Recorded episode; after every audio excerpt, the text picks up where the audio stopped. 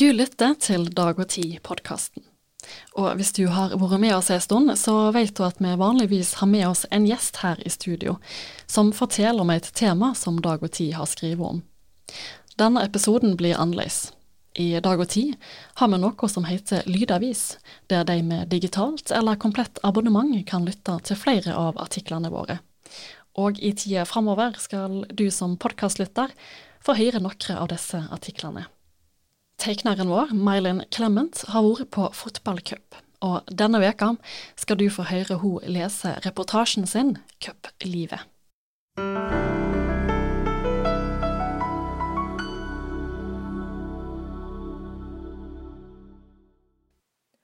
Posisjon!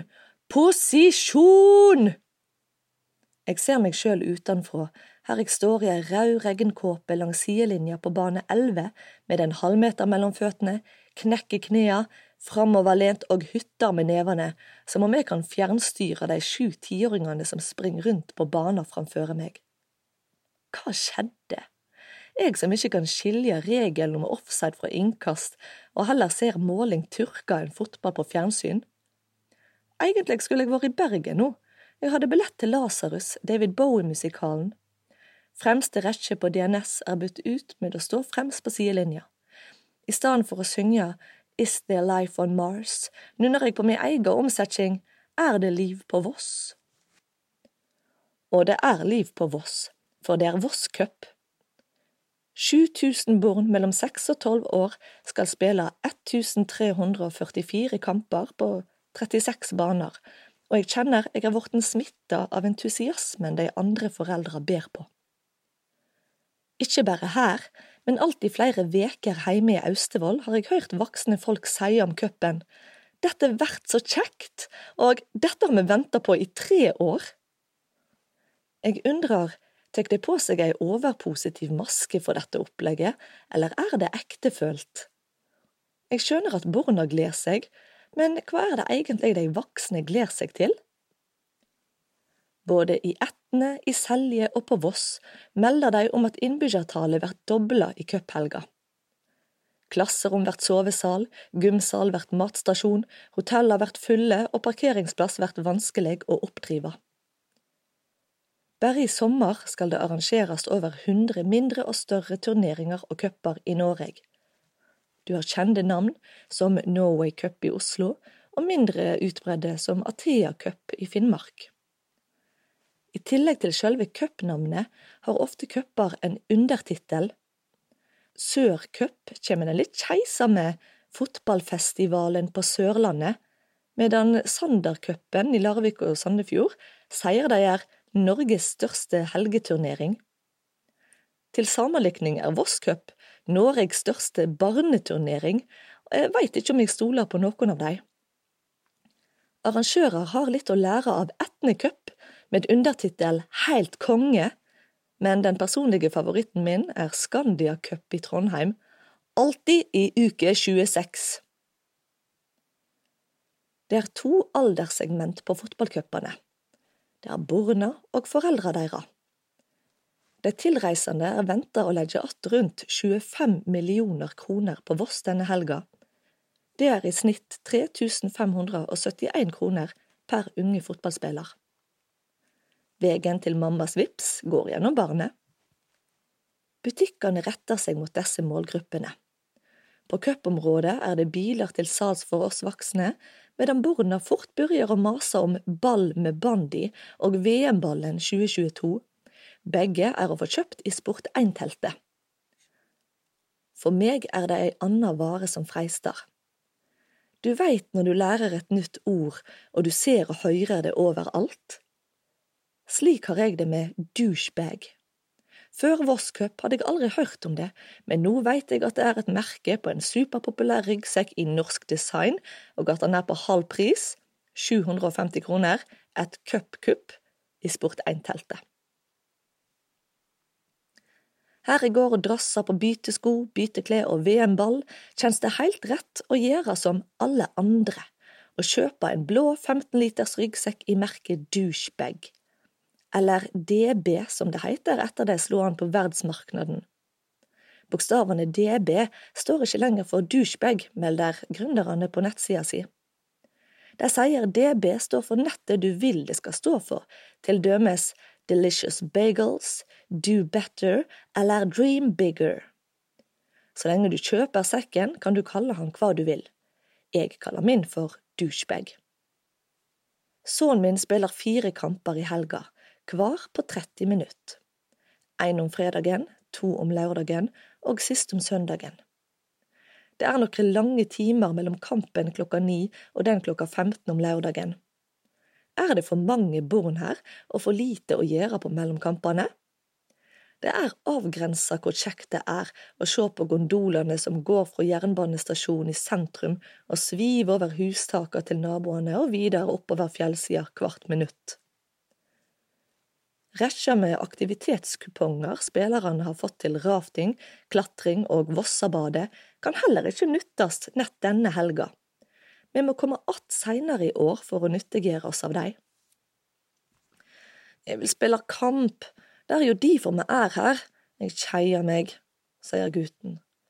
Nei, det gjør du ikke, dette er kjekt, slår jeg fast. Han trenger uansett flere fotballsokker, og jeg blir råda om å gå på NDV-en i sentrum. Det første jeg tenker er Norges vassdrags- og energidirektorat, men skjønner snart at det er en kortslutting. Hvorfor skulle de selge fotballsokker, liksom?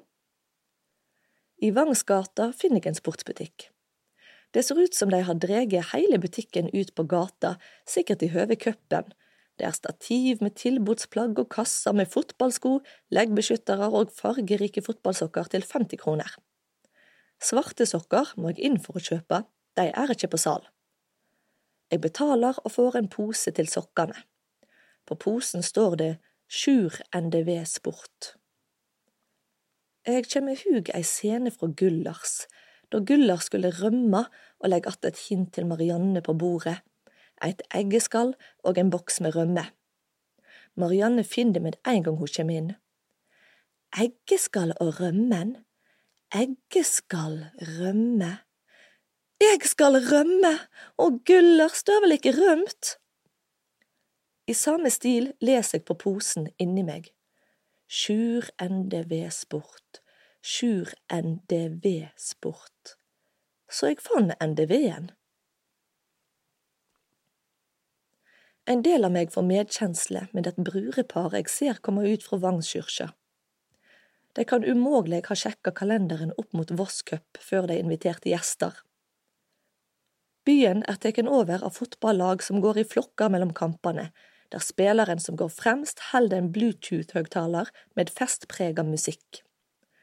Hotellene er for lengst fulle, og det samme gjelder campingplassen. Ei helikoptermor har jeg ikke ønske om å være, og så helst at jeg kunne sende gutten på ti år med noen andre for å sove i et klasserom en stad. Men siden laget valgte å stå for privat innkvartering i år, svever jeg att og fram langs Vangsvatnet likens med en drøss andre foreldre. En på laget bor i bubil, en annen på Fleischer hotell, noen i ei hytte på Lunde halvvegs opp til Myrkdalen, og de aller fleste bor i hytter og husvære, i sjølve Myrkdalen. Det er hit jeg dreg etter kampene er ferdig for dagen. Jeg vert invitert til å overnatte her sammen med to andre fotballmødre og sønnene deira. Lørdagskvelden ser guttene på film i naborommet, medan vi mødrene lager tacomiddag i fellesskap på kjøkkenet. Jeg åpner en pakke crispy salat og følger bruksrettleiinga så best jeg kan. Dette er ikke tida for å bryte med det som står på pakken. Fjern eventuelle visne blad. Check.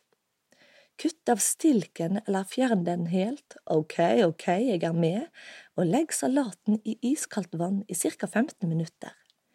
La den renne godt av, eller bruk en salatslynge for å fjerne vannet. Jeg fusker litt, vasker ett og ett blad og tørker dem med tørkerull. Trøtt av Dage, DB og NDV sovner jeg momentant i køysenga over fotballmor nummer to. Søndag er det tidlig opp og ned til Voss for å rekke kampen klokka ni. Etter en halvtime med Nå må det våkne, gutter! Sprei dykk, dette er ikke en syklubb! Og posisjon! Blir vi samde om å telje måla elleve totalt, og ikke sigrer, og jeg er klar for å komme meg vekk herfra. På vei til bilen stikker jeg hovedet innom Sport1-teltet for å få oppdatert salgstall på douchebags. Rundt 70 sekker til nå, sier ungdommen bak disken. I ei lysregulering i Vaksdal kjem eg på to bod til foreldre som skal på fotballcup i sommer. Det første bod er ganske lett, dette er kjekt og det er rett. Tenk alltid på hva folk vil si, aldri vedgå at du er lei.